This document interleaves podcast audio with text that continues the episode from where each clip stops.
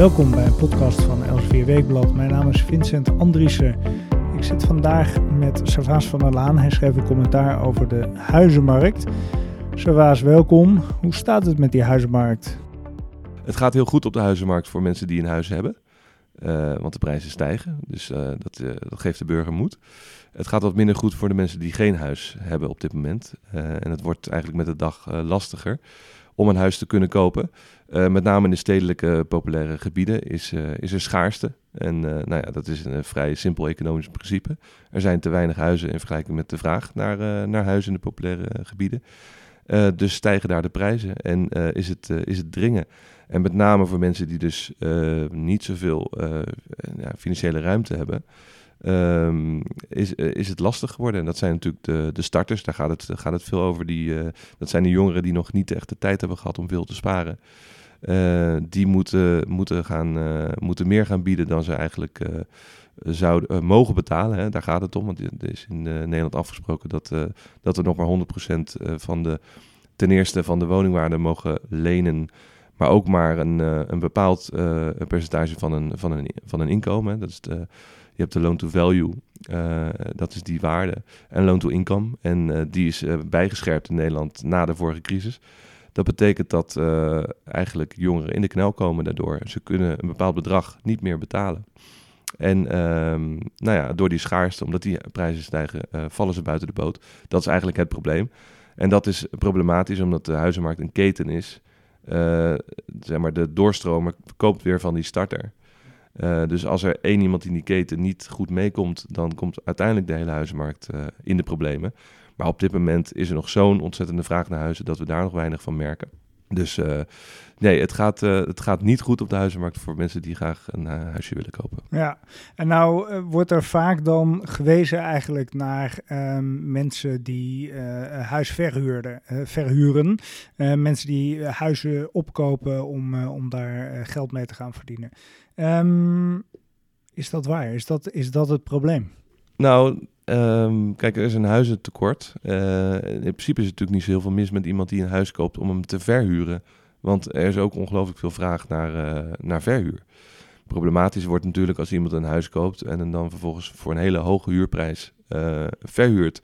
En dat is wel aan de hand, omdat er ook zo'n schaarste is, met name bijvoorbeeld in de grote steden. En dan vooral in Amsterdam.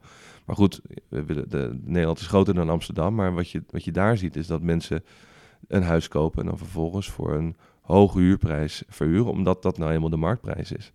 En uh, dus de, alleen de vraag is, moet je daar die uh, belegger of die persoon die dat doet, de schuld van geven?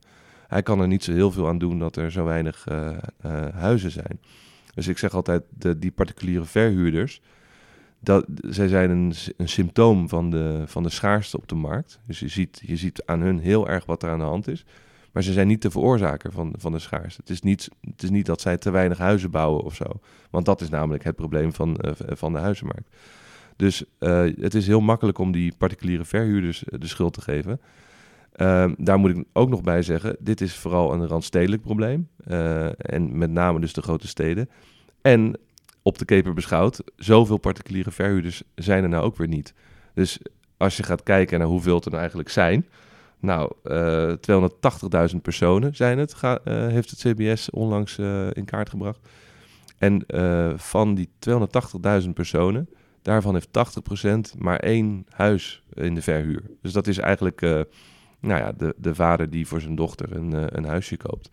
Um, en, en, en, dat is eigenlijk verrassend, want we hadden natuurlijk de laatste tijd is er veel discussie ook eigenlijk over uh, Prins Bernard Junior, die uh, behoorlijk wat panden in Amsterdam heeft. Ja. Dus die is uh, door het parool flink aan de schoonpaal genageld. De pandjesprins. De ja. pandjesprins. En dan, dan krijg je het beeld een beetje van, nou, er zijn veel beleggers die gewoon ontzettend veel van die panden opkopen, prijs opdrijven, geboefte. Ja. Maar het aantal geboeften in Nederland valt nog, eh, blijkt mee te vallen. Ja, dat zijn er dus uh, eh, 250. Dus er zijn in Nederland 250 mensen die meer dan 50 panden in uh, bezit hebben voor de verhuur.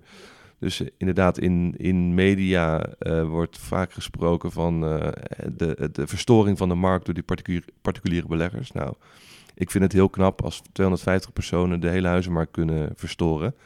Dus dit is echt, en met name natuurlijk in Amsterdam, een, een heel lokaal probleempje. Uh, ik snap dat het ontzettend vervelend is uh, dat wanneer jij in Amsterdam een huis probeert te kopen, dat dan de pandjesprins jou net uh, voor is. Dat is ontzettend vervelend.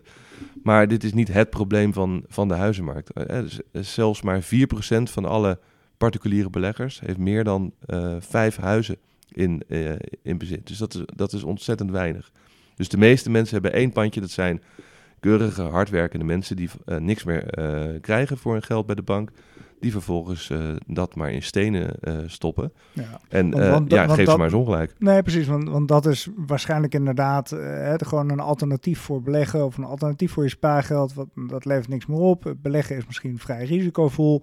Die stenen, nou, hebben we afgelopen jaren gezien, die worden alleen maar meer waard. Dus voor veel particulieren één pandje erbij of pandje voor studerende zoon of dochter is dan een uitkomst. En, en uit die cijfers van het CBS blijkt ook dat eigenlijk dat overgrote uh, deel is van, van die particuliere verhuurmarkt, toch? Ja, dat blijkt uit die cijfers. En als je dan toch uh, zo gaat beredeneren, dan zou, zou je bijvoorbeeld in Amsterdam ook kunnen zeggen, daar, een groot deel is daar in beheer van de corporatiesector. Dus je zou dan net zo goed kunnen zeggen, ja, dat zijn die corporatiewoningen die allemaal woningen bezet houden voor mensen die een huis willen kopen. Want die percentages die zijn namelijk veel, veel groter. Amsterdam heeft een hele kleine uh, koopmarkt.